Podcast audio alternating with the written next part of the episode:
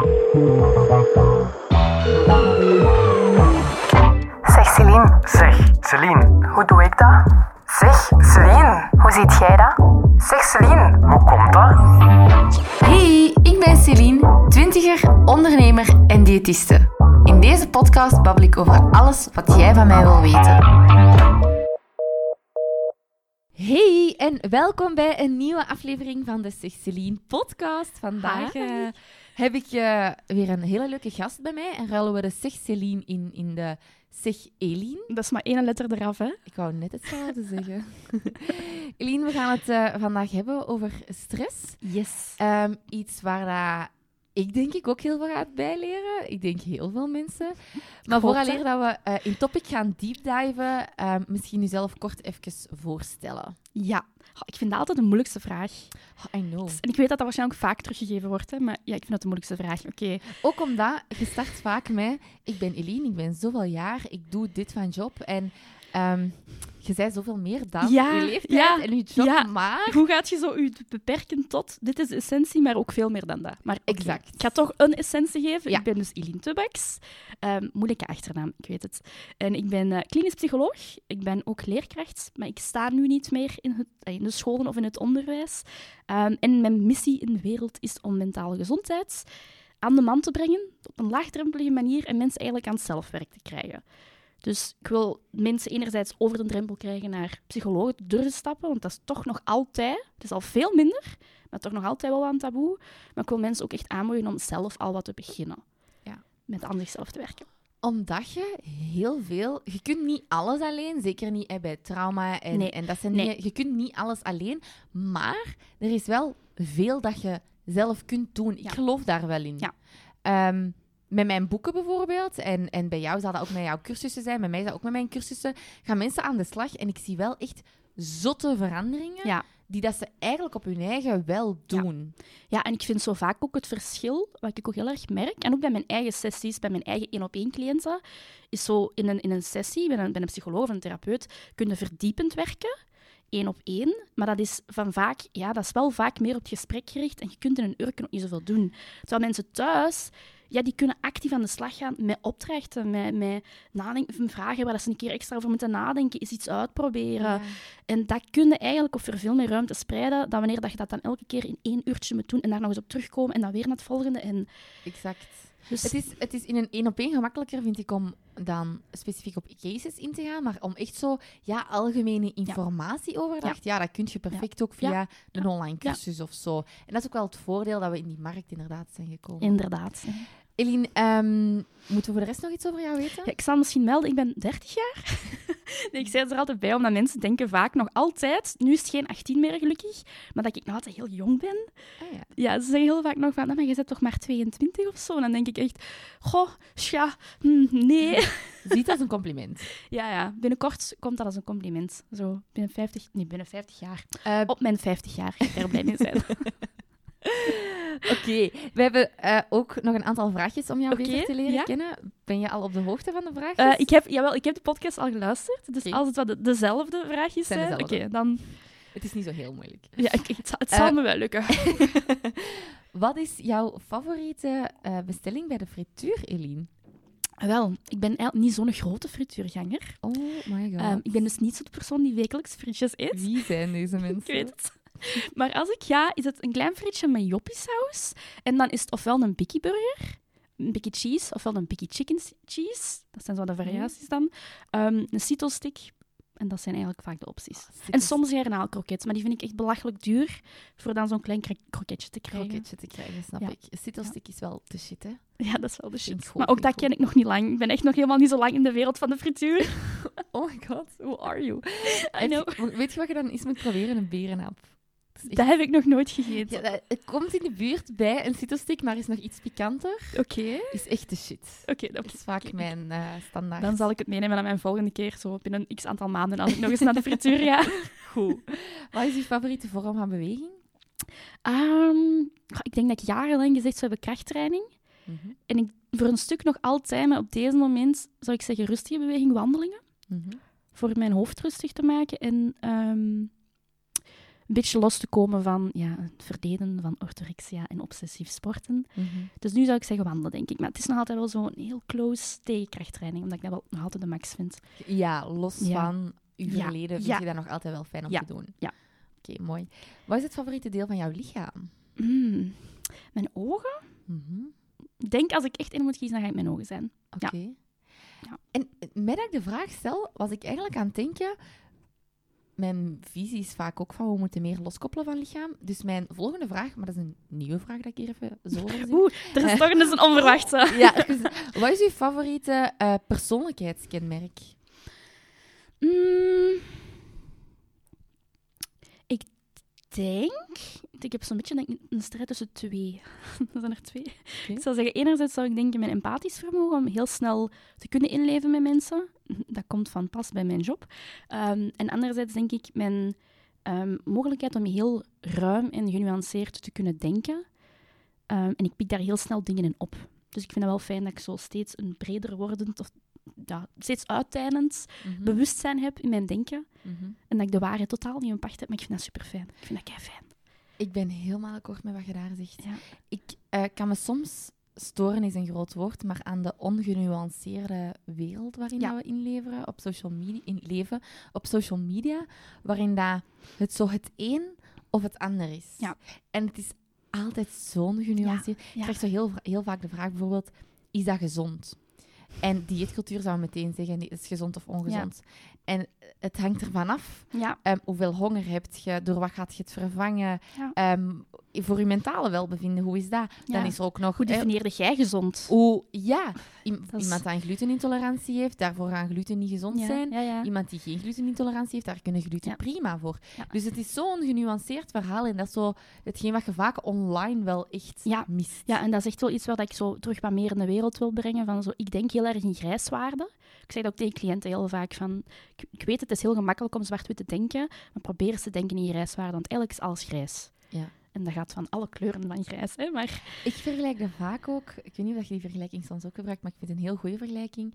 Ehm, mijn toets haalt je ook nooit niet 0 op 10, of toch niet vaak, 0 op 10 of 10 op 10. het gebeurt. Het maar- gebeurt, ja. maar het is in de minderheid. ja, ja. Daar is het ook tussen de 1 op 10 en de 9 op 10 vaak. Ja, ja, En dat is even goed grijs allemaal. dat is waar. En een 7 op 10 is niet per se beter dan een 9 op 10. Want het hangt er ook weer opnieuw Ja. vanaf. Ja. Ehm, nee, mooi, oké. bon, los daarvan. Wat is uw klein gelukje? Mijn eerste koffie 's ochtends. De hoeveelste niet bezig gaan drinken? Oké. Ja, dus het is, dat, het is altijd een gelukje. En knuffelen met mijn katten is ook wel echt een klein gelukje. Heb je meerdere katten? Ja, nu twee. Spijtig genoeg is er eentje gestorven vorig jaar. Dus we hadden er drie. Oh, Ja. Zijn ze, zijn ze goede friends? Mm, mm, mm, dat hangt er vanaf. Maar op zich zijn ze wel gehecht aan elkaar en ze zoeken elkaars nabij. en Zo, maar nee, voor de rest...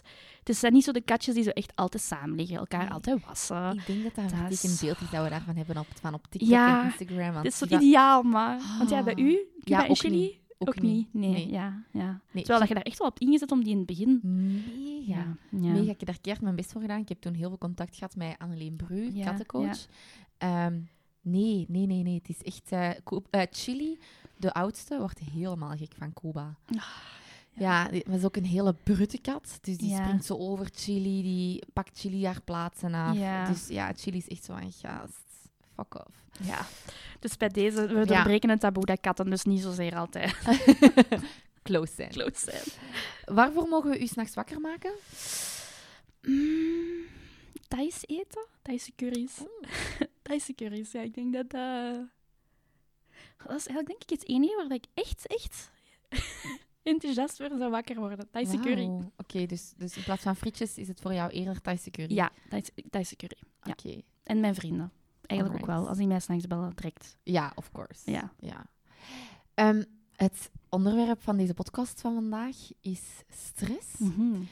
Stress is iets eh, waar dat ik enorm veel last van heb, waar dat heel veel luisteraars heel veel Mhm. last van hebben, waarvan dat we denk ik algemeen in de maatschappij Mhm. ehm, heel veel last van hebben. Kunt je ons vertellen wat dat de meest voorkomende oorzaken zijn van stress in onze huidige samenleving? Dat zijn er ook heel veel. Is kort om op in ja, te gaan, denk ik. Ja, hè, ehm, dus ik kom, kom een beetje terug in dat, grijs, dat grijze Mhm. stukje. Ehm, ik denk het is heel vaak een combinatie van echt wel mensen zelf, hoe dat mensen denken. Mhm. Heel vaak zijn we onze eigen grootste stressbron. En heel veel mensen geven zichzelf heel veel stress zonder dat ze dat doorhebben door hun manier van denken en interpreteren en kijken naar de wereld. En de druk dat ze zichzelf opleggen. En dat denk ik in combinatie met een heel grote druk dat de maatschappij ook wel oplegt. Mhm. Stress, dat hebben we altijd al gehad, dus daar komen we misschien nog op terug.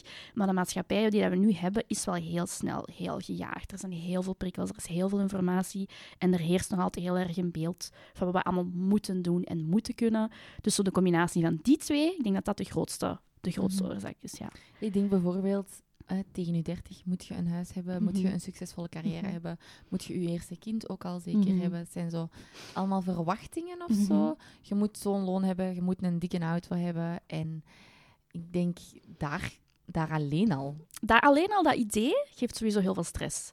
En dan is het feit dat heel veel mensen ook gewoon niet aan dat idee voldoen, wat ook helemaal oké is. Hè. Er zijn veel mensen die het niet hebben dan het wel hebben. Maar het idee alleen geeft veel stress. En dan, oei, ik voldoe daar Mhm. niet aan, geeft dan nog eens die extra dosis gigantische stress. Ja. Nu, er is een verschil tussen acute stress Ja. en chronische stress. Ja. Kan je daar het verschil eens tussen uitleggen? Als we eigenlijk kijken naar acute stress, dan kunnen we dat zien als een, een golfje, waarbij dat je stress zo even stijgt, maar dan ook terugzakt. En dat zien we dan in situaties die dat ook effectief vaak kortstondig zijn. Ehm, en dat kan gaan over dingen die dat wel heel noodzakelijk zijn, waarvoor dat we bijvoorbeeld moeten weglopen. Eh, als het nu over extreme situaties gaat van geweld of zo, Mhm. is het heel goed dat je even acute stress ervaart. Ehm, want dan, dat stelt u in staat, dat stelt uw lichaam in staat om in de vechtvlucht of eh, eventueel bevriesmodus te gaan. Een kwestie van geweld is dat niet altijd de beste optie. Hè. Ehm, en dan gaan mensen gaan wegvluchten. En op het moment dat mensen bijvoorbeeld uit die situatie zijn, kan die stress meteen terugzakken. Maar dat kan even voor iets heel kleinschaligs zijn, bijvoorbeeld een podcast of zo. Stel dat ik hier nu even stress voor had gehad, had ik ook even een stresspiekje gehad. Maar dan had ik hier gezeten en dan was waarschijnlijk die stress weer meteen gezakt Ja. dan is dat weg. Dan ga je eigenlijk terug naar je niveau van ervoor. Dat is acute stress. Ja. Dat merk je ook aan bepaalde lichaamssignalen. Ja, je kan dat wel merken. Acute stress en chronische stress op zich hebben ook wel veel overlap in kenmerken. Maar bij acute stress ga je vooral merken je hart dat sneller gaat slaan, bijvoorbeeld. Hè. Precies wat een krop in je keel krijgen, dat je wat oppervlakkiger gaat ademen. Sommige mensen beginnen wat te trillen. Die hun handen wat beginnen trillen. Of die zeggen van, oké, ik kan me precies in een keer niet meer concentreren. Er zijn mensen die dat echt heel stressgevoelig zijn, die even wazig worden voor hun, voor hun ogen. Ehm, maar dat zijn wel vaak dingen dat we linken aan acute stress, of die lichaamssignalen. Of een knoop in uw maag. Zo'n Ja. dingen. Ja. En dan chronische stress. En dan chronische stress, dat is eigenlijk een stress, als we daarbij gaan kijken, die daar ook wel in golfjes kan gaan, maar die gaat niet meteen, of toch nog een hele lange tijd, niet terug naar zo'n soort baseline niveau. Dat is stress die we een lange tijd meenemen, die wel kan fluctueren, maar die we eigenlijk heel vaak niet doorhebben dat we die onderhuids nog altijd wel meedragen. Mhm. En daar is dan vaak het stukje dat we als mens zelf wat in stand houden, chronische stress. Dat kan enerzijds zijn doordat we heel veel beginnen piekeren over situaties. Hè? Dat we dus eigenlijk op die manier niet kunnen loslaten. Dat kan ook zijn doordat we telkens opnieuw worden geconfronteerd met iets dat ons stress geeft, waardoor we er ook niet van kunnen loskomen. En op die manier kan dat dagen, weken, maanden tot zelfs jarenlang mensen in een soort chronische stresstoestand brengen. En mensen weten dat vaak gewoon niet, omdat ze dat niet meer kunnen herkennen bij zichzelf. En omdat ze het misschien gewoon zijn. Ja, omdat ze het ook gewoon zijn. Want die hele felle stressklachten die we bij acute stress zien, die zijn opvallend. Hè? Als in één keer je hart begint te kloppen, je wordt ineens heel benauwd, dat merk je op. Ja. Maar als het bij chronische stressklachten zijn, is dat vaak een stuk subtieler. Dan gaan mensen voor een chronische hyperventilatie. Maar chronische hyperventilatie, dat ziet je eigenlijk bijna niet. Dat voelt je eigenlijk bijna niet als je daaraan gewoon bent. Oké. Dus mensen merken dat inderdaad niet zozeer op, omdat ze het gewoon zijn, maar ook omdat het vaak wat verdoken zit. Ja. Is er dan iets... Hè, acute stress kan naar mijn gevoel minder kwaad. Want Mhm. dat is iets dat Ja, heel en soms is dat heel helpend ook, acute stress. Heb je dat ook nodig? Ja, om in actie te schieten. Ik kan me inbeelden, eh, moet je studeren voor een examen en krijg je even stress. dat helpt. Sommigen presteren daar mega, mega goed onder. Ja. Eh, ik heb ook, als een deadline te ver weg is, oh, dan ben ik zo aan het slabakken en dan Ja. raak ik echt niet vooruit. Ja. Ik, met, met weinig to-do's krijg ik, ehm, ja, dan ben ik vaak zo lang over bepaalde Ja. taken bezig. Terwijl als ik een beetje voel van, oeh, die deadline komt eraan, dan begin ik ineens zo mega efficiënt te werken, niet meer op mijn gsm kijken, echt gewoon gaan. En dat is inderdaad... Ja, dat is wat we zo wat noemen eustress. Dus positieve stress die u in actie zet of, of u motiveert om actie te Mhm. ondernemen die goed is voor uw welzijn. Oké. En bij chronische stress, wat zijn daar de gevolgen dan van op lange termijn? Dat kan heel ver gaan. Ik wens Ja. natuurlijk niemand toe. Hè. Eh, maar Nee. op, op lange termijn kunnen zowel echt lichamelijk als ehm, psychisch heel ziek worden. Ehm, als we dan zo kijken bijvoorbeeld naar het psychische aspect, zeggen ze wel eens van stress is een spectrum. En je hebt acute stress en dat gaat dan over in chronische stress. Chronische stress kan overgaan in langdurige overspanning, kan overgaan in een burn-out, een lichte burn-out, kan overgaan in een complete burn-out. En dan zeggen ze ook nog, dat kan ook nog doorgaan naar een depressie. Dus je kunt daar Verschillende gradaties. ja, echt gradaties in hebben. Ehm, dus emotioneel gezien kan dat leiden tot depressies, maar dat leidt dan natuurlijk een stuk daarvoor ook wel tot ehm, andere klachten. Hè, bijvoorbeeld concentratiestoornissen, ehm, dat je niet meer echt plezier kunt halen uit dingen waar je vroeger plezier uit haalde. Dus ook wel veel overlap met wat lijkt depressieve symptomen te zijn. Maar als je even goed kijkt naar of, sneller in conflict schieten, omdat je ehm, heel snel geïrriteerd geraakt, emotioneel geraakt wordt. Dat zijn ook dingen die we heel vaak koppelen aan stress. Slecht kunnen slapen, niet meer kunnen eten, ehm, geen behoefte of niet meer kunnen engageren voor uw basiszorg te doen. Bijvoorbeeld letten op voldoende voedzame maaltijden, beweging, eh, slaap. Zo, die dingen worden steeds moeilijker dan. En als we dan gaan kijken naar de fysieke kant daarvan, van lange termijn gevolgen. In het begin kan dat dan bijvoorbeeld zijn verstoorde ehm, maag-darmwerking. Ehm, je kunt wel wel last hebben van hartkloppingen, Mhm. benauwdheid, stijfheid in de spieren. zien we Mhm. heel vaak in de nek en de schouders bij mensen.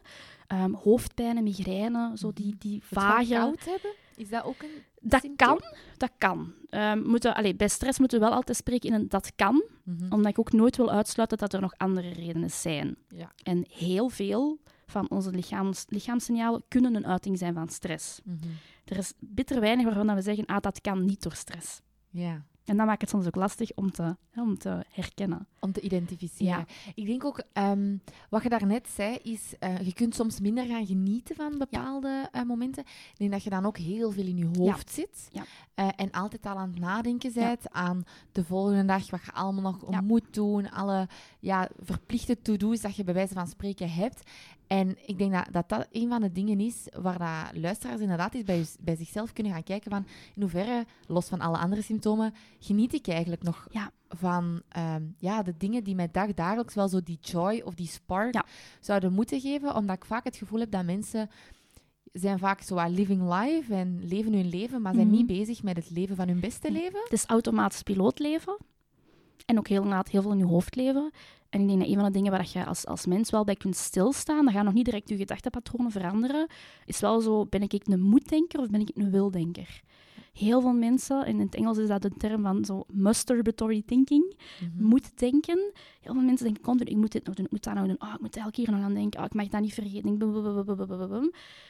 En dat, dat zit zo in je denkpatroon, dat je je daar ook zoveel stress mee geeft met Ja. dat continue moet denken. Exact. Dus daar al wel waakzamer in zijn, van hoeveel keer op een dag ben je bezig met ik moet dit of dat nog doen, Mhm. versus hoeveel keer ben je bezig met oh, ik wil dit nog doen, straks nog doen bijvoorbeeld, of oh, ik wil hier nu tijd voor vrijmaken. En dat is eigenlijk bitter weinig. Dat is een helemaal andere manier ook van denken, omdat het dan echt vanuit uw ik komt, vind Ja. ik, in plaats vanuit zo Verwachtingen, ideeën. verwachtingen, ideeën. Ja. Want de jaren gaan op die manier voorbij. En op den duur heb je zoiets van, ah, fuck. Ik weet nog, bij mij, om, om een voorbeeld te geven van mijn eigen situatie.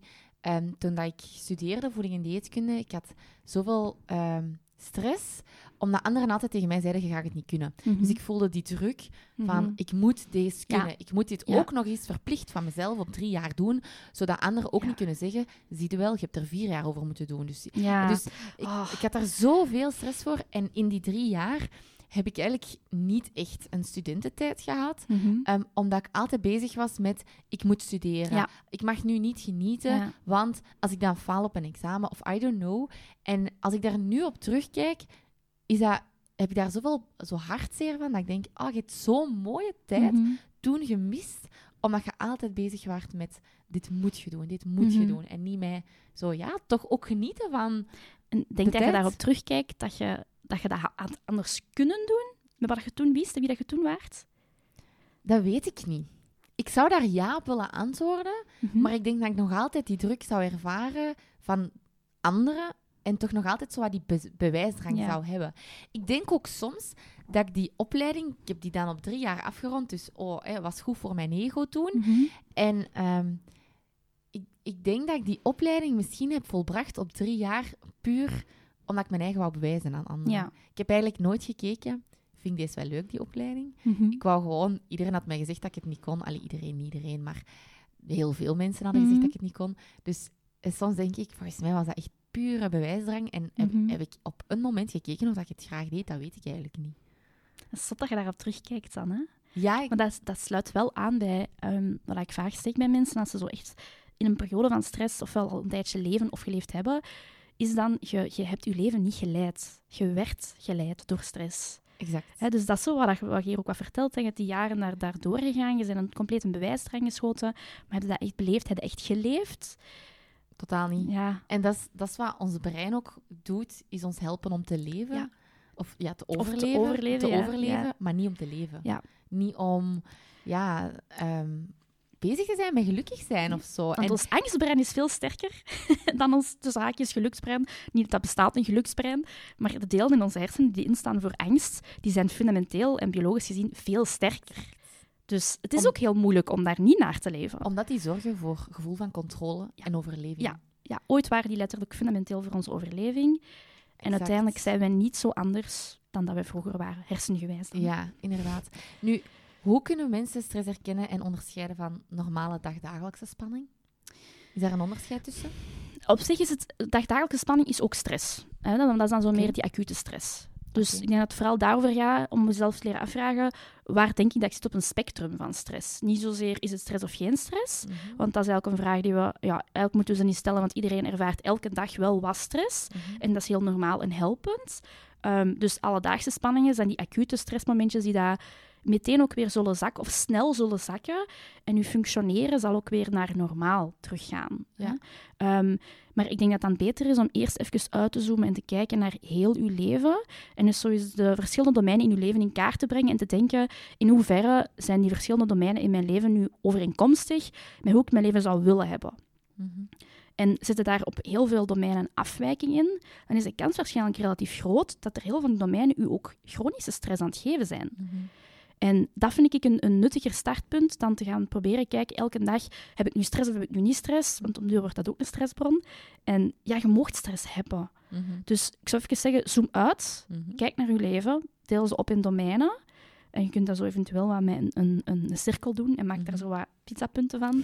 Eh, En ga dan voor jezelf eens aanduiden hoe, zit, hoe dicht zit je op elk domein bij het centrum. Het centrum zou zijn uw ideaal in dat domein. Ja. Wie wilde jij zijn? Wat wilde jij in je leven hebben? Welke waarden en normen wilde jij nastreven?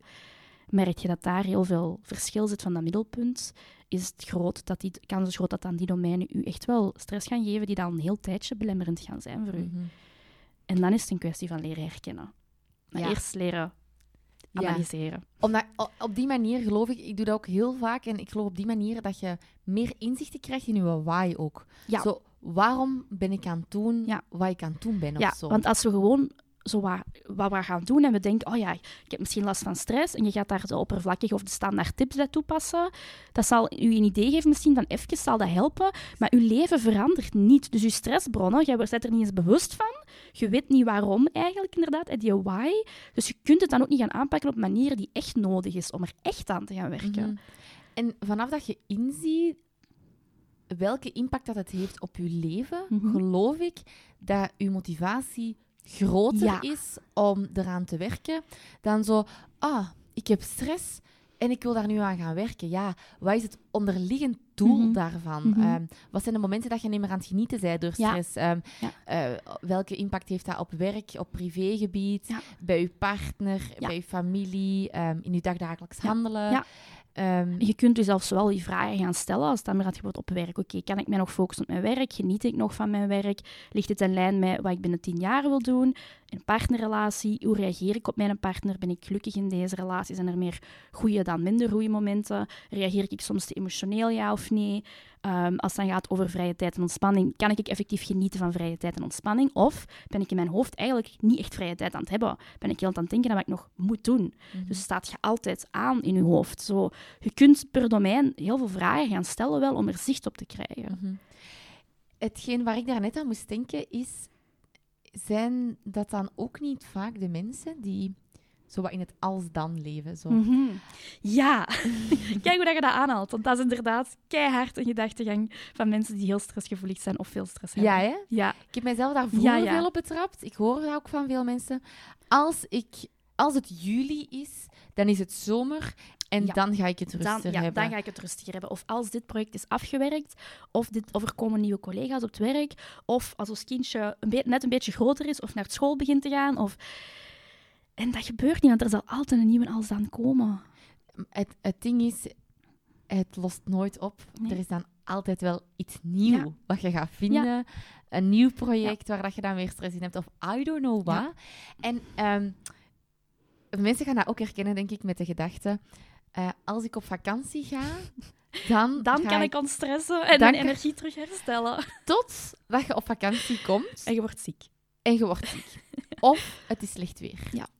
Dan is het al, godverdomme, we hebben slecht weer. En dan is Ja. heel uw dag al, of misschien heel uw verlof als je een hele week slecht weer hebt, om zeep, omdat het slecht weer is. En eigenlijk zelfs voor veel mensen heel een jaar.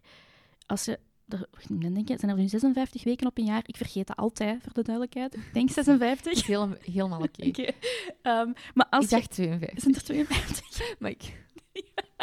uit. Er nog 52 zijn. Ik denk dat er 52 zijn. Oké, dan zal even rekenen op de 52, want ik ben er waarschijnlijk helemaal naast. Maakt niet uit, misschien ben ik Maar als je, als je pakt drie weken op een jaar vakantie neemt in de zomer, hè, Ja. 52 min 3 dan, Ja? dan heb je 49 weken van het jaar waarop dat je geen vakantie neemt, waarop dat je heel veel stress ervaart waarschijnlijk en heel veel dingen in je leven hebt waarvan je denkt, ah, doe me, dat geeft mij stress.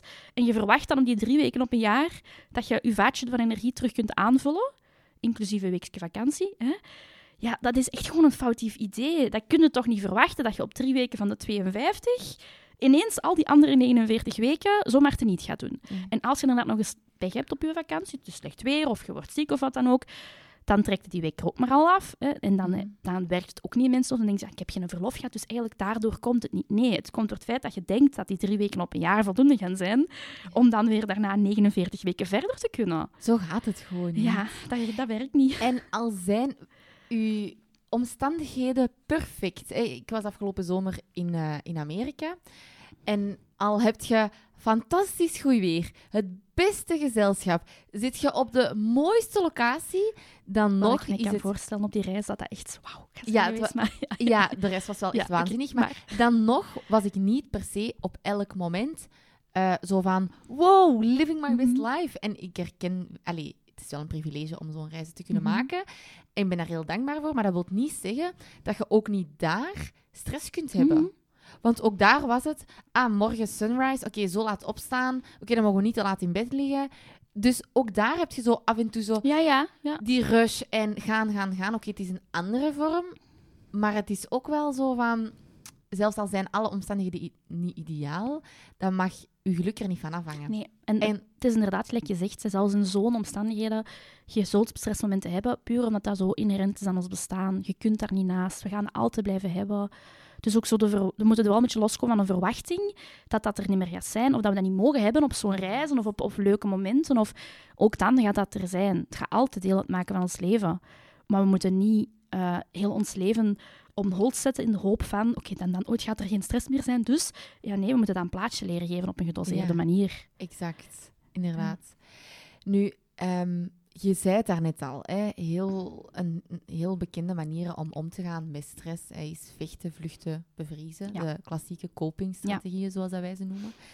Ehm, dat zijn vaak strategieën die op korte termijn heel goed werken. hè. Mhm. Ik denk, ik doe korte termijn copingstrategieën. Jij doet dat waarschijnlijk. tuurlijk, ook. ja. Dat is een hele normale menselijke Ja. reactie, want wij willen niet ehm, in aanraking komen, of zo weinig mogelijk, met minder fijne emoties. Ja.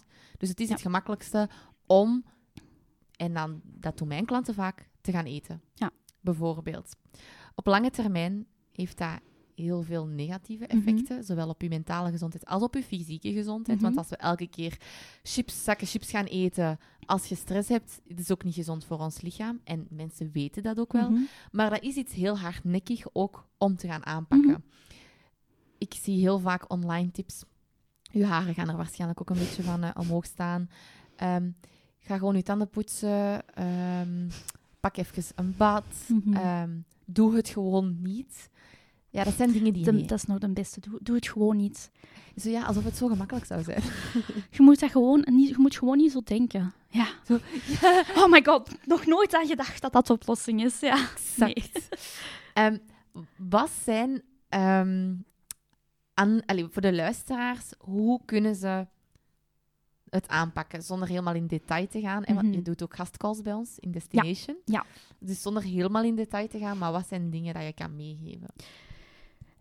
Eerst al leren opmerkingen, opmerken, opmerken wat dat je inderdaad dan, aan die dingen doet, aan die oppervlakkige, ik noem dat altijd pleistertjes. Ehm, Mhm. zo, wat zijn de oppervlakkige pleistertjes die dat gaan plakken zijt? Mhm, Is dat u daar bewust van of niet? mhm. Ehm, en, en veel mensen zullen dan bijvoorbeeld denken, ja, maar op zich, ik doe toch wel ook wel goede dingen.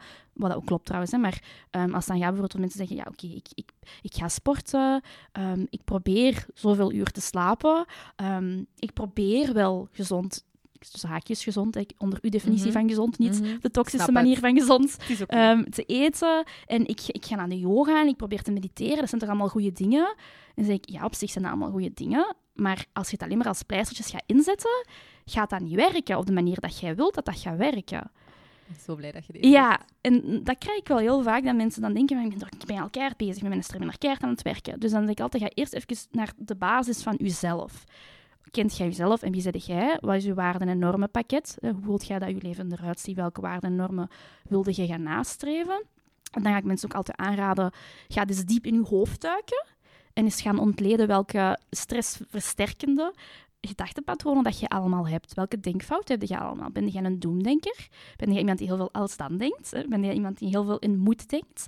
Ben jij iemand die het gaat invullen voor andere mensen? Ehm, ben jij iemand die overanalyseert? Dat kan ook, er zijn ook heel veel mensen. Of in, overintellectualiseert en die loskomt van wat je voelt. Leren terug in connectie komen met je gevoel is ook een heel belangrijke, met je lichaam. Leren om te werken rond stress, niet met woorden, maar met je lijf. Mhm, En dat zijn dingen dat mensen totaal niet weten hoe dat, dat moet. En snap ik, want we krijgen dat ook niet aangeleerd. mhm. Ehm, maar dat zijn eigenlijk al wat veel diepgaandere dingen die mensen kunnen leren doen. Maar het probleem daarbij is dat dat geen quick fix is. En mensen horen dat niet graag. Want dat, daar zit heel wat meer onderdelen in om aan die categorie te gaan werken. Dan, ja, maar ik ben vorige week woensdag wel naar de yoga geweest. Hè, dus ik probeer wel. Ik doe al aan zelfzorg. Ja, en dan zeg ik altijd, maar blijf dat doen, dat is goed. Maar als je dat gaat bekijken als de oplossing voor je stress, dan gaat dat er niet geraken. Nee. Dan gaat, dat gaat je niet lukken. Dus uw aandacht moet vooral gaan naar ten eerste, leer jezelf kennen, leer je leven ontleden, leer in connectie komen met je gedachten, Mhm. leer in connectie komen met je gevoel. Durf eerlijk te zijn over welk gedrag je allemaal stelt. In hoeverre dat, dat misschien ook wel onhelpend is voor u en uw omgeving. Mhm. En vertrek daaruit voordat je verder gaat naar zo de snelle oplossingen voor stress. Ja, het is zo... Ah, heb je stress? Doe dan gewoon een meditatie. Ja, Nee. ja, ja. Nee. Of pak even een badje. En, oh, ik bedoel, ik ben een keihard badpersoon. I love bad. Ik ook. Maar eh, pak bijna elke dag een ja, bad. ik vind dat ook zalig, hè, een bad. En dat werkt even kort en tijdelijk. En dat klopt ook wel. Maar als dat plakkertje, want daarna denken we, nu kunnen we er weer tegenaan voor een week. En voor de rest staan zo, de gedachten staan dan op, afgevlakt, klaar. Ik moet gewoon weer de week zien te overleven. Ja, nee, want dan ga je zijn tijdens die week niet bezig met wat heeft me nu eigenlijk allemaal stress gegeven deze week. En elke dag eens even een, een overzichtje maken voor jezelf. Wat waren momenten dat ik voel dat er iets gebeurde in mijn lijf? Mhm. En je mocht dat heel letterlijk nemen. Hè. Wat gebeurde er in mijn lijf? Het moet niet gaan naar... Ik denk dat ik daar straks, ehm, doordat die collega dit of dat zei, denk ik dat ik dat heb binnengenomen als en geïnterpreteerd heb als, dat is pas een stadium verder. Het is eerst echt, wat heb je vandaag ervaren in je lichaam? Wat is er gebeurd? Welke emoties heb jij misschien gevoeld? En dat even eens gaan registreren. Mhm. En dan pas verdere stappen gaan zetten. Maar dat is voor mensen vaak nog een extra to-do Ja. op hun to-do-lijst. Ja. En opnieuw is het daar dan, denk ik, kijken naar je echte why. Waarom Ja. wilt je daarmee bezig zijn? Omdat je het dan niet meer als een to-do gaat zien, Mhm. maar iets als, dit wil ik doen om beter voor mijn eigen te gaan zorgen, Mhm. om, om gelukkiger te worden, om, om al die effecten te gaan hebben. Ehm, ja, in plaats van En nu moet, moet ik mijn eigen ook nog eens gaan ontleden. Ja, ja. En, en ergens denk ik wel, het is belangrijk om zo dan die pijnpunten eerst bloot te leggen, omdat je anders je waarom ook heel moeilijk kunt ontdekken. Exact. Ehm, en daarvoor dat stukje dat ik mensen eerst zou aanraden, maak dat deelt even je leven op in domeinen en kijk gewoon eens hoe tevreden bent je in je leven. En maak daar eerst een overzichtje van, want dan vermoed ik dat je waai daar wel in verstopt gaat zitten. Mhm. Als je ziet, uitgezoomd, ben ik tevreden met mijn leven, ja of nee? En waar heb ik problemen of uitdagingen of waar bots ik op verschillende domeinen? Ja, dan voelt het wel heel belangrijk om er wel iets mee te gaan doen. Mhm. En ik zou nooit willen zeggen, ah ja, je hebt wat stress, je moet eraan gaan werken. Dat is, nee, ja, tuurlijk gaan mensen denken, ah, pff, dat geeft nog niet. meer stress als je dat zo zegt. Nee, en de beweegreden achter iets is zo belangrijk. Ik vergelijk dat vaak met... Stel nu dat ze aan mij zouden vragen... Celine, morgen bungee jumpen, wat denkt je? Ja, no way dat ik het ga doen. Maar als ze zeggen... eh Celine, eh, uw momoe kan nog tien jaar langer leven eh, als jij nu van een brug springt. allee, van een brug, ja, bungee jumpen. Ja, bungee niet ja, zelf ja. van Nee. een brug springen. Maar ik doe het direct. Ja. Dus dat geeft weer hoe dat een, een reden ervoor kan zorgen Mhm. dat je actie onderneemt Ja. of niet. En ik geloof ook dat wanneer mensen het moeilijk vinden om gedrag te veranderen, dat ze die why nog niet helemaal hebben Ja. gevonden. Omdat ze zo wat vervreemd zijn van wat belangrijk van hun Mhm. is. Dus hè, bijvoorbeeld gezonder eten. Ja, ik wil gewoon, gaan zonder, ik wil gewoon wat gezonder gaan eten. Allemaal goed en wel, als je dat wilt. En je mocht dat, je mocht dat willen en je mocht dat ook in actie gaan zetten. Maar de reden waarom dat je vaak moeilijk overkomt tot actie, is omdat er toch nog een why niet clear genoeg is. Dat is ik wil gewoon gelukkiger zijn. Of ik wil gewoon minder stress hebben. ja. Dat is het woordje gewoon. Als iemand dat zegt, dan dat, dat mogen we eruit laten. Gewoon zit daar niet in. Het is ook niet gewoon. Nee, het is ook niet gewoon. Nee. Wat zijn ehm, zaken dat je mensen, luisteraars, zou aanraden om dagdagelijks, wekelijks te doen om zo ja, aan die stress te Mhm. werken? Naast dus het feit van het in kaart brengen, Ja. ehm, zou, ik, zou ik zeggen, oké, als ook afhankelijk natuurlijk wel van hoeveel tijd en ruimte heb je daarvoor. Want ik wil niet zo de persoon zijn die dan zo de, de, de toxische psycholoog die zegt, jij moet elke dag nu. Nee, totaal niet. Oh, hè. ja. Ehm, dat wil ik niet meegeven, want dat gaat voor mij ook niet. Ik ga daar niet belachelijk over doen, maar dat je wel kunt proberen om bijvoorbeeld wekelijks dan, of, of een paar keer per week, een moment te nemen. En voor sommige mensen is dat bijvoorbeeld even alles neerschrijven van wat is mij nu het meeste bijgebleven van deze week, bijvoorbeeld. Een, Mhm. en zo een journaling, ehm, dagboek wat bijhouden. Voor andere mensen is dat bijvoorbeeld leren om te zeggen, oké, ik ga doorheen de week, pro drie keer per week, even een moment nemen om eens na te denken, wat heb ik in mijn lichaam gevoeld? Wat is daar gebeurd? Dat eerst leren herkennen.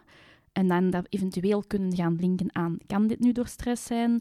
Is de situatie iets dat mij stress heeft gegeven, ja of nee? Daarvoor beginnen na te denken. Ehm, en wat ik ook zou aanraden is, en dat is wel een moeilijke, want dat is, dat is wel een beetje durven, is aan je omgeving gaan vragen. Eén, vind jij dat ik veel last heb van stress? Want vaak zien andere mensen wel meer dan dat je ziet. En wat denk jij dat bij mij redenen zijn waarom dat ik stressgevoelig ben? Denk jij dat ik soms mijn eigen grootste vijand kan zijn? Hoe, en waarom en hoe denk jij dat ik dat doe? Dat gaat u zoveel informatie geven, maar je moet dat durven natuurlijk. Mhm. Hè? Ehm, en neem dat natuurlijk wel aan van mensen die u echt kennen. Ga Ja. niet zomaar bij de random mensen gaan vragen, maar mensen die u echt kennen. Dat geeft u vaak heel, heel veel info. En dat vind ik is altijd het startpunt, is echt info krijgen over jezelf. Dat is zo- zo'n basis. Mhm. Ehm, en als je info hebt over jezelf, dus over je lichaam, over wat aan het vertellen is, over eventuele situaties die u Mhm. stress hebben gegeven, over mensen die u informatie hebben gegeven, over waar dat je misschien stressgevoelig bent of hoe dat, dat tot uiting komt, dan is denk ik een kwestie van kies er nu één domein uit. Ga niet alles tegelijk aanpakken, want dat is ook een valkuil. Of zeker voor perfectionisten die dan denken, nu wil ik dat allemaal gaan aanpakken. Niet doen. Kies één domein uit waarvan dat je het gevoel hebt dat daar het meeste ja, uitval zit of dat je de meeste uitdagingen of belemmeringen hebt op deze moment. Mhm. En ga daar nu eens echt voor jezelf over nadenken van, oké, waar wil ik naartoe werken binnen bijvoorbeeld een jaar, twee jaar? Hoe wil ik dat dat domein eruit zien? Wat gaat er moeten veranderen binnenin mijzelf? Mhm. Wat gaat er moeten veranderen in mijn denken? Wat gaat er moeten veranderen in mijn handelen? Eh, wat gaat er misschien moeten veranderen van de mensen die daar in de omgeving aanwezig zijn? Kan ik dat veranderen, ja of nee? En dan ga je proberen een plan van aanpak te maken. Kun jij dingen alleen doen of heb je hulp nodig? En voor de meeste mensen gaat op een bepaalde manier hulp moeten inschakelen. Dat kan met zelfwerk zijn, dat kan naar een psycholoog gaan zijn. Ehm, maar schakelt echt hulp in Mhm. als je nog maar aan het begin van zo'n proces bent. Probeer dat niet allemaal alleen te doen, want dat gaat niet lukken. Dat gaat je weer stress geven. Ja. Dus begint klein in één domein, analyseert. en dat, is echt, en dat, dat wil ik als basis meegeven. Niet zo de, dit kun je doen om stress even en dit kun je... Dat wil ik niet doen nu. Nee. Nee. En ik denk heel herkenbaar voor de luisteraar is wat je zegt. En niet ineens alles willen. Ja. Als ze bij mij instappen in een traject, dan is het, ah, en ik wil dat, en ik wil dat nu, en ik wil dat. Dat is een speciaal een traject voor zes maanden. En dat is elke week een topic. Ja. En elke week een Ja. topic is al heftig eigenlijk. Ja, ja, dat is al, dat Dat is al is heel al- intensief. Dat is al zeer Ja. intensief. Laat staan dat je vanaf sessie 1, dan krijg ik al vragen over dingen die er nog totaal niet te doen. Dan denk ik, doe het stap voor stap. Want anders geef je op den duur op, omdat je je eigen vijand ja, bent. ja, Omdat je dat perfectionistisch kantje hebt van, ik wil het ineens goed doen. Ja. Je hebt in één ding, is dat niet gelukt, en je geeft weer op. En op die manier inzien dat je eigen gedachten er ook opnieuw voor zorgen Mhm. dat je dan opgeeft in dat proces, terwijl als je daar kunt leren omgaan met die gedachten en je er bewust van Ja. bent van, ah, ik ben weer in die val aan het trappen. Nee, ik ga het niet doen. Hè. Ik ga toch Ja. nu maar één topic aanpakken En vertragen. en vertragen. Dat is... Inderdaad, dan ga je veel, veel, veel verder komen. Ik sport nu één keer per week. Mijn, mijn perfectionistisch kantje had eigenlijk gezegd, drie keer per week moet je sporten. Maar ik weet, dat is geen optie Mhm. voor mij op dit moment. Dat lukt niet. Ik krijg dat niet Mhm. ingepland. Of ja, nee, het is misschien ook... Ik zou het ingepland krijgen, maar op dit Ten moment... koste van wat? Ja, exact. Inderdaad. En ehm, dus één keer per week lukt dat mij ondertussen bijna een jaar. Mhm. Terwijl als ik het perfectionistisch kantje had laten spreken, dan had ik ondertussen al lang gestopt, omdat één Ja. keer per, eh, per week is niet genoeg. Terwijl, als je er bewust van bent, Ja. zie ik nu, ah kijk, ik heb het wel één keer per week al volgehouden. ja.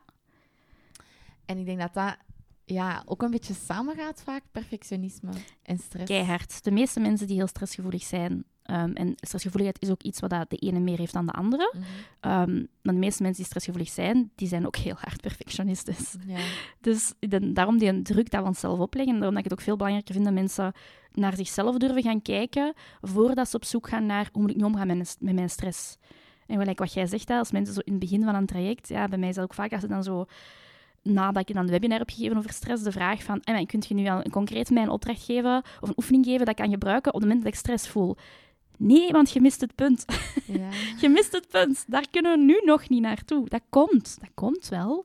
Op het moment, nee, want je gaat dat dan maar gewoon de hele tijd willen gebruiken en dat werkt niet. Dan is dat weer een zogezegde faalervaring voor u. En dat wordt opnieuw een snelle copingstrategie. Ze zijn op dat een opnieuw een plakkertje aan het zoeken om snel er Ja. vanaf te geraken. En in een maatschappij waar dat alles al snel gaat, moeten we daarvoor opletten dat we daar niet... ehm, ja. Dus zo dat vertragen, dat, dur dat durven, dus ook echt wel durven, hè, naar binnen kijken. mhm. Durven echt radicaal eerlijk leren zijn met jezelf. En ook, je moet dat... Ja, dat is kei confronterend. En je moet dat ook niet meteen met iedereen doen. Hè. En ik zeg ook nooit tegen mensen dat je 100% radicaal eerlijk moet zijn met bijvoorbeeld mensen in je leven, maar wel met jezelf. Mhm, Dat vind ik wel. En dat is ook dat is heel Mhm. moeilijk om te leren ook. mhm. Veel mensen durven dat niet. Dus ja, dan is het uiteraard veel aanlokkelijker en gemakkelijker om iets anders te vragen. Hè? Ja, ja, inderdaad. En om uw emoties letterlijk weg te eten, Ja. zie ik dan bij heel veel van mijn Ja, klanten. Het, ja. het is gemakkelijker. En eten is er ook altijd. Hè? Mhm. Het ligt altijd in de kast. Je hebt het ook nodig voor je overleving. Je hebt het dus- nodig voor je overleving. Dus inderdaad, het ligt er altijd. Ja. Dus het is de gemakkelijkste manier. Ehm, eten, eh, een bad pakken, het zijn, het zijn quick fixes om Mhm. gewoon niet echt in connectie te komen met je lijf Ja. en u elke keer opnieuw ja, een beetje af te leiden van Mhm. datgene wat er op dat moment Ja. echt aan de hand is, Ja. denk ik. Ja, doen heel veel mensen. Nu, mensen hebben het druk, mensen werken fulltime, hebben kinderen. Wat zijn dingen dat mensen ehm, kunnen doen om een balans te krijgen in hun werk en privé? Ik denk, een groot deel als het gaat over werk en privé hangt wel af van de vraag: wat is voor u waardevol werk? Ik geloof oprecht dat er heel veel mensen zijn die niet waardevol werk aan het doen zijn voor hen. Ik wil niet zeggen dat werk aan zich niet waardevol kan zijn, maar niet voor hen. Of wat dat zij eigenlijk als waardevol zouden bestempelen. En heel veel mensen fungeren in jobs waar dat ze eigenlijk, als ze daar eerlijk over zijn, heel weinig waarde in vinden. En onderzoek heeft uitgewezen dat een niet waardegebaseerd leven de grootste reden is voor, of een van de grootste redenen, de grootste reden is onze relaties, maar de andere grootste reden voor ongeluk in ons leven is niet waardegebaseerd leven. Dus als het dan gaat over werk versus privé en hoe is die in balans, denk ik eerder hoe is de balans tussen hoeveel waarde zit er in je werk en hoeveel waarde zit er in je privé. Want breng, breng jij 40 uur per week door op een plek waar dat je eigenlijk heel weinig waarde uithaalt. Ja, succes met je organisatie en je planning, maar dat gaat niks veranderen aan het feit dat je daar weinig waarde uit haalt. Mhm. En dat is nog een groter probleem dan dat je met time management en organisatieskills gaat bezig zijn om te zeggen, oké, ik ga dan zorgen dat ik daar nog dat en dat en dat en dat en dat en dan ga ik nog tijd hebben voor. Want die 40 uur dat je dan daar maar zit en je haalt daar geen waarde uit, dat gaat je veel meer stress geven Ja. dan, dan tijd en organisatiemanagement skills upgraden. Zo belangrijk, dat waardegedreven leven, vind ik. Ja. Dus ook zo een, een voorbeeld is dat je zo... ehm, ja, eens gaat kijken naar wat, vind ik belangrijk en, en hoe wil ik bepaalde Mhm. dingen. Eh, want we zijn altijd heel hard bezig met wat anderen van ons denken Mhm. en met over onze grenzen gaan, omdat andere dingen van ons Mhm. verwachten. En dat is ook zoiets van in hoeverre vind ik het belangrijk om constant te voldoen aan de verwachtingen van anderen, of wil ik eigenlijk dicht bij mijzelf Mhm. blijven? Maar veel mensen weten dat ook zelfs niet, hè. Zo wat dat hun waarden zijn en wat is dicht bij jezelf blijven. En als ik dan, als ik met mensen de eerste keer vraag naar waarden, dan zullen ze zeggen, ja, ik vind het heel belangrijk bijvoorbeeld ehm, dat ik vriendelijk ben. En dan denk ik, oké, maar is het vriendelijk of is het people pleasing? Is het vriendelijk of is het zelfopoffering? Bent je te vriendelijk in, u, hè, in de definitie van vriendelijk? Want zeg je ook vriendelijk voor jezelf? Zo. Je En kunt- vind jij dat belangrijk, of vind je het belangrijk wat andere mensen van u denken? Ja, en dat weet je. En terecht, het is moeilijk. Als je die vraag nooit hebt gesteld, weet je dat heel vaak niet. Zeggen mensen heel eerlijk, ik weet dat eigenlijk niet. Ik weet eigenlijk niet waar dat ik dat heb opgepikt, dat idee. En dan moeten we weer gaan kijken naar vroeger. En dan zitten we daar. Oké, wat heb jij meegekregen van thuis uit? Hè? Welke, welke modelleringen heb je gehad van je ouders? Welke impliciete boodschappen heb je gekregen van je ouders? Dus dat zit daar ook allemaal in als het gaat over zelfontdekking en zelfwerk. En ook rond stress. Want als je dat allemaal niet weet, opnieuw, je bent maar wat aan het doen. Je bent met de kraan open aan het veilen. Dus dat stukje van je waarde leren ontdekken, en dat sluit zo hard aan bij je why ontdekken, als je dat niet hebt, en dan, dan staat er eigenlijk, dan zet je jezelf een beetje op voor, onbedoeld en onbewust een beetje op voor, voor ja, dat het weer niet gaat lukken. En dat dat weer aanvoelt als, een, zie je wel, ik kan dat niet. Het ligt niet bij, ik kan dat niet. Het is, ik weet het nog niet. Mhm. En op die manier, en ik denk dat dat ondertussen al wel duidelijk is uit het gesprek, kun je zo diep Ja. gaan op dit soort topics. Ja, ja en dan, mensen denken soms van, ja, maar ik wil gewoon, dat wil eerder gewoon, ja. gewoon mijn stress aanpakken. Ehm, en ik hoop dat mensen zo meer en meer kunnen beseffen dat stress gewoon inherent aan ons bestaan is. Je gaat nooit zonder stress kunnen zijn. We hebben dat ook echt nodig voor onze overleving. Het kan ook heel helpend zijn, stress. Dus we gaan dat nooit wegkrijgen. En als we aan stress gaan werken, dan werken wij aan ons leven. Dan werken wij aan ons algemeen welzijn, aan onze Mhm. algemene gezondheid. Dan werken wij eigenlijk aan heel het pakketje van wie wij zijn en hoe wil ik mijn leven vormgeven. En dat is iets dat tijd vraagt. En liefst dat dat tijd vraagt en moeite en engagement. Want je gaat heel je leven waarschijnlijk onder de loep nemen. Je gaat misschien grote aanpassingen gaan maken over in de tijd, omdat je dingen gaat ontdekken. En dan pakt je je stress aan en dan pakt je tegelijkertijd zoveel andere dingen aan, omdat je zo diep gaat. Ja. ja, ik denk dat het dat is. Eens dat je een bepaald inzicht in bepaalde topics krijgt, dat je dat ook heel snel kunt doortrekken op Enorm, andere ja. thema's. Want het hangt allemaal samen. Hè? Ik denk dat dat soort dingen zijn in de psychologie. Zo van, ja, met welke dingen werk je graag? Heel veel. Met welke dingen komen mensen het meeste bij u op aanmelding? Vaak vage klachten, maar dan het verhaal daarna dat dan allemaal gaat openbaren. Dat is alles door elkaar. Mhm. Je kunt dat niet zeggen, ah ja, dat is dat, ah ja, dat is dat, ah ja, dat, dat loopt zo allemaal door elkaar. Dat is zo verweven, al die dingen binnen onze gezondheid, Mhm. dat we dan heel moeilijk, bijna onmogelijk kunnen zeggen, jij hebt last van dat. Ja, omdat het allemaal verweven is met Ja. elkaar. Nu, maar bij psychologen zijn nog steeds heel lange wachtlijsten. Ja, ja. Heel, Er heel is ondertussen terugbetaling. Ja, maar ook daar wel. Het is gedeeltelijke terugbetaling. ehm, en afhankelijk van, zijn het psychologen aangesloten bij de nieuwe conventie, ja of nee? Is het meer of minder terugbetaling? Ehm, dat is, er is nog heel veel nodig in België. Dat moet gebeuren voor te zorgen dat alle psychologen voldoende terugbetaald kunnen worden en tegelijkertijd ook voldoende zelf een loon kunnen behouden. Maar dat is natuurlijk een heel, ander, Ja, een heel andere kwestie, ja. want wat zou je aanraden aan mensen die zoiets hebben van ja, ik wil naar een psycholoog gaan, maar ik kan nergens terecht? Als het enerzijds gaat over kostprijzen, dan zou ik zeggen, eh, als je echt wilt gaan naar iemand individueel en het gaat over kostprijs, probeer naar een eerste lijns psycholoog te Ja. zoeken. Ehm, die werken dan aan 10 euro per uur of 11 euro per uur. Mhm, Dan kun je maar een aantal sessies bij doen. mhm. Zeg dat ik kan nergens terecht omwille van de wachtlijsten. Eh, Want ja, ik zelf ik heb ook een cliëntenstop op het moment met een wachtlijst van 9 maanden. Dus ik ga ook geen nieuwe mensen meer op mijn wachtlijst zetten. Dat vind ik gewoon, vind ik gewoon ethisch ook niet juist. Ehm, dan zou ik zeggen, probeer zelf toch al op zoek te gaan in de, in de tussentijd. Zet je op een wachtlijst, doe dat zeker. Zet je bij verschillende mensen op een wachtlijst, raad ik altijd aan. Mhm. Want het kan zijn dat met de ene niet klikt en dat is kei normaal. Probeer wat verschillende paarden op te wedden. Ehm, maar probeer zelf ook al eens na te denken, wat kan ik doen? Je zegt geen passief slachtoffer in je wachttijd. Je kunt echt al heel veel zelf gaan ontdekken. En er is veel mogelijk. En je kunt dat aan de hand van wat boeken doen. Je kunt dat aan de hand van cursussen doen van hulpverleners die online zitten, gelijk jij en ik. Mhm. Ehm, kun je ook dingen gaan aankopen waarmee dat je zelf laagdrempelig aan mee aan de slag kunt gaan. Exact.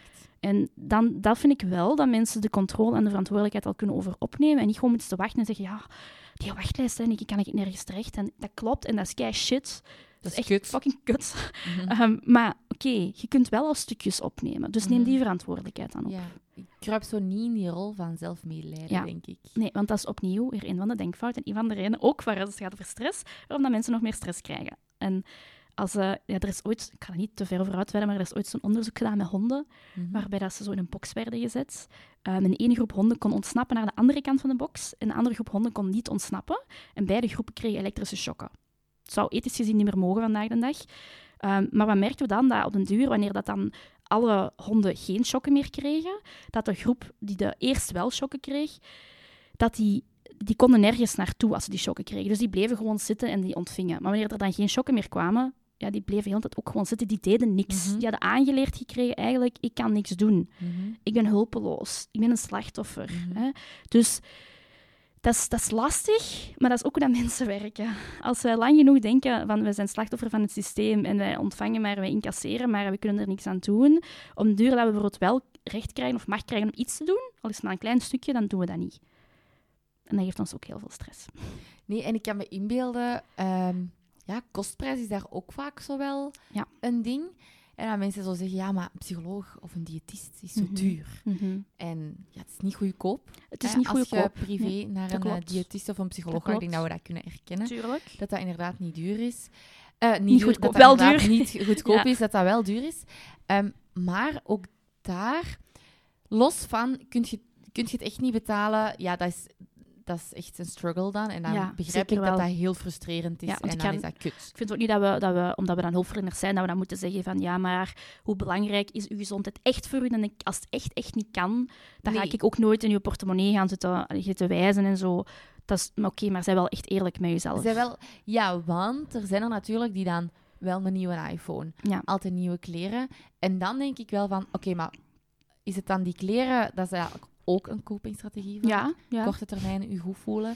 Ehm, net zoals, allee, ja, dat, dat is met alles zo. Hè. Het zijn ook quick fixes om je snel Ja. beter te voelen, nieuwe kleren. Oké, je hebt wel kleren nodig ook, maar in hoeverre heb je het echt nodig? Of wilt je weer mee zijn met de nieuwste mode? Ehm, en ja, dat, dat zijn dan zo gewoon de dingen dat ik, dat, ik- dat ik dan wel kan denken van, oké, maar ja, een nieuwe iPhone, ehm, nieuwe kleren. Als dat Mhm. dan wel lukt, maar een diëtist of een psycholoog vind je te duur, ja. dan heb je duidelijk je why nog niet clear. Of, zet je, Ja. Of En, en, en vaak ook wel ergens een soort scepticisme tegenover hoeveel gaat dat echt helpen. Ehm, dat hoor ik ook wel heel vaak. Zo, dat er ook nog altijd een idee hangt, denk over beide onze beroepen. Van ja, maar gaat dat nu echt helpen? Of die gaan nu gewoon wat vertellen? Of bij mij is het dan zo typisch, ja, die gaan gewoon wat knikken en luisteren. Ja, dat kunnen mijn vrienden ook doen. Zo, allee, ik, vermoedelijk zal dat dan voor u net een andere invalshoek zijn. Maar zo, ook dat idee leeft nog wel heel erg. Ehm, dus ik denk ook wel meer zo'n beetje naar waarde schatten, wat dat de meerwaarde kan zijn Mhm. van wat dat wij te bieden hebben. Mhm. Zo, is weer naar waarde. Ja, en, en het succes gaat afhangen van ook deels uzelf. Ja, ke- keihard. Het, het succes hangt niet per se af van de psycholoog. Nee. Natuurlijk, je moet een goede psycholoog De hebben. relatie is heel belangrijk. En dat is bij elke hulpverlener zo. Een, een, relatie, de werkrelatie hier dan, met een psycholoog en een cliënt, ja, dat is echt dat is het fundament van gaat het succesvol zijn, ja of nee. Mhm, Eh, maar dan het tweede grote fundament is de, de cliënt zelf. Mhm. Met welk idee stapt hij daarin? En welk engagement ge- Welke gaat hij geven? zijn er? Ja, Verwacht hij dat als die bij u komt voor stress, dat hij na een week geen stress meer hebben? Ja, dan gaat je geen goede psycholoog zijn, want Nee. je gaat niet voldoen aan die Nee. verwachtingen, maar dat is teken dat die verwachtingen daar fout Ja. zitten. ja, en dat is ook al één stapje, is de verwachtingen met mensen eens dooranemen. Wat zijn die verwachtingen? En die gaan nuanceren, weer naar die grijze zone gaan krijgen. En tegelijkertijd hoop geven en tegelijkertijd verantwoordelijkheid leggen bij mensen. Exact. Dat vind ik ook, dat, die mogen mensen horen. Heel mooi. Zijn er bepaalde eigen persoonlijke tips van jezelf dat je aan luisteraars kunt geven die jou helpen? In, in, bij stress, Mhm. allee, voor het mij is het algemeen, ja, stress is eigenlijk levens... Ik zei altijd life management, stressmanagement is life management. Ehm, hm, ja. bij mij, ik denk algemeen bij mij is dat weer zo mijn grote, zelf ook mijn grote tip wat ik ook zelf ben gaan toepassen, is mijn leven echt onder de loep gaan nemen. De afgelopen Mhm. jaren is mijn leven zo, zo omgedraaid. Ehm, maar ik heb zoveel meer rust gevonden in mijzelf, veel meer vertrouwen gevonden in mijzelf, omdat ik ook echt ga- ben gaan durven kiezen. Mhm. Keuzes waar dat iedereen anders tegen mij ook zei, je gaat dat wel doen. En je verliest je zekerheid. En dit en dat. En dat ik veel aanvoelde van, goh, ja, nee, want waar, waar dat ik nu voor zou moeten kiezen, wat dat van mij verwacht wordt, in mijn geval bijvoorbeeld om dat een keuze naar het werk toe te geven, ehm, ik stond voor een vaste benoeming in het onderwijs, wat dat, allee, de meeste mensen zouden zeggen, je bent zot als je dat afwijst. Je hebt veel Ehm, verlof, betaald. ja, en ik was super graag leerkracht, maar het was ineens niet meer in mijn, in mijn vakken. Ik kreeg ineens een pakket wat dat helemaal andere vakken waren dan mijn vakken, omdat iemand anders dan met mijn uren zaakjes was gaan lopen. Zo. Ehm, en ik had toen echt voor mezelf, ik daarmee getwijfeld. Ik dacht, oh, zou ik dat nu wel doen? Dat nu niet doen. En ik voelde eigenlijk, Eline, nee, dit sluit niet aan bij uw waarde, bij wat dat jij in de wereld wilt brengen. En dan heb ik de beslissing gemaakt van nee, ik ga dat, ik ga dat weigeren. Ik ga dus een voltijdse in het onderwijs weigeren. Ehm, en mensen hebben mij toen voor verklaard. Ik voelde nee, ik ga heel dicht bij mezelf blijven. En dan, dat was een soort grootskeuze, maar dat heeft in heel veel kleine keuzes doorgecijpeld. Om heel vaak bij mezelf te denken, ben ik nu authentiek aan het leven? Ben ik dicht bij mezelf keuzes aan het maken, ja of nee? Wat heb ik nodig? Ben ik voldoende aan het vertragen of ben ik hier te snel in door aan het schieten? Dus dat zou echt mijn grootste tip zijn. Mooi. Dicht bij jezelf durven blijven, uitzoomen en inzoomen daarbij. En maak keuzes waarin dat je ergens connectie kunt maken met je buikgevoel. Ja. Want vaak weten mensen diep in hun buikgevoel wel wat ze moeten doen. Hè? Maar we zijn dat zo aan het overanalyseren, overintellectualiseren, over weg, wegredeneren, dat we, dat we dat precies wel verloren zijn. Maar zo intuïtie en buikgevoel, dat is zo'n stil fluisterend stemmetje. Je weet dat wel, die dode stille momenten, welk gesprek heb je met jezelf? Daar zit heel veel wijsheid in. Ik denk dat dat een hele mooie tip is om mee af te sluiten. Lien, ik vond het super, super waardevol. Merci Ja. eh, om hier vandaag te zijn. Is er nog iets dat je tegen de luisteraars wilt zeggen? Oeh, Is dat het zo'n ja, dat is zo... vraag? ah. Zo, eh, wat moet ik zeggen? Wat moet ik zeggen? Goh, nee, ja, ik denk dat ik al heel veel gezegd heb, dat wij al heel veel gezegd hebben. Ik denk dat zo de samenvattende boodschap dus zou zijn, zie stressmanagement als life management, want Mhm. dat is het ook echt. Zie uzelf als een prioriteit. Leert echt kiezen voor jezelf en neemt uw verantwoordelijkheid op stukken dat je ze al kunt opnemen op. Want dat alleen al is een heel grote manier om stress aan te pakken. Exact. Ja. Ik denk dat dat een hele mooie boodschap is om mee af te sluiten. Keigoed. Merci om eh, tot hier te komen. Merci dat ik mocht komen. Ik vond het Ja. heel gezellig. Heel graag gedaan. Ja. Ja. we kennen elkaar sowieso al. Ja. We wonen in dezelfde buurt. Ja, nu- Ja. ja, ja, ongeveer. Want de I- buurt is wel ruimer. Ik heb in Hoogstad op school gezeten, maar ik woon hier niet. Dus. Nee, maar zet je van? Nu woon ik in Oud-Turnhout. Ah, en ik sorry, ben oorspronkelijk dacht van Beersen. Ik dacht van Beersen, Ja. inderdaad. Ja, en ik heb in Hoogstraat op school gezeten. Dus ik ben wel van de, re- de regio, maar we dat is hebben wel ongeveer op dezelfde school gezeten Ja. eh, vroeger. Maar we Ja. zijn van dezelfde regio inderdaad niet. Ja. Niet hetzelfde dorp of zo. Nee, nee, nee, nee, dat is, nee, nee, dat niet. Alright, nee, dan gaan we de podcast afsluiten. Merci om hier te zijn. En wie weet, eh, tot een volgende Ja, podcastaflevering wie of weet. zo. Kom graag nog een keer terug. Dankjewel. Doei doei. Bye, bye. Merci om te luisteren naar deze aflevering. Heb je zelf nog een Zeg vraag, dan kun je die altijd insturen via de link in beschrijving.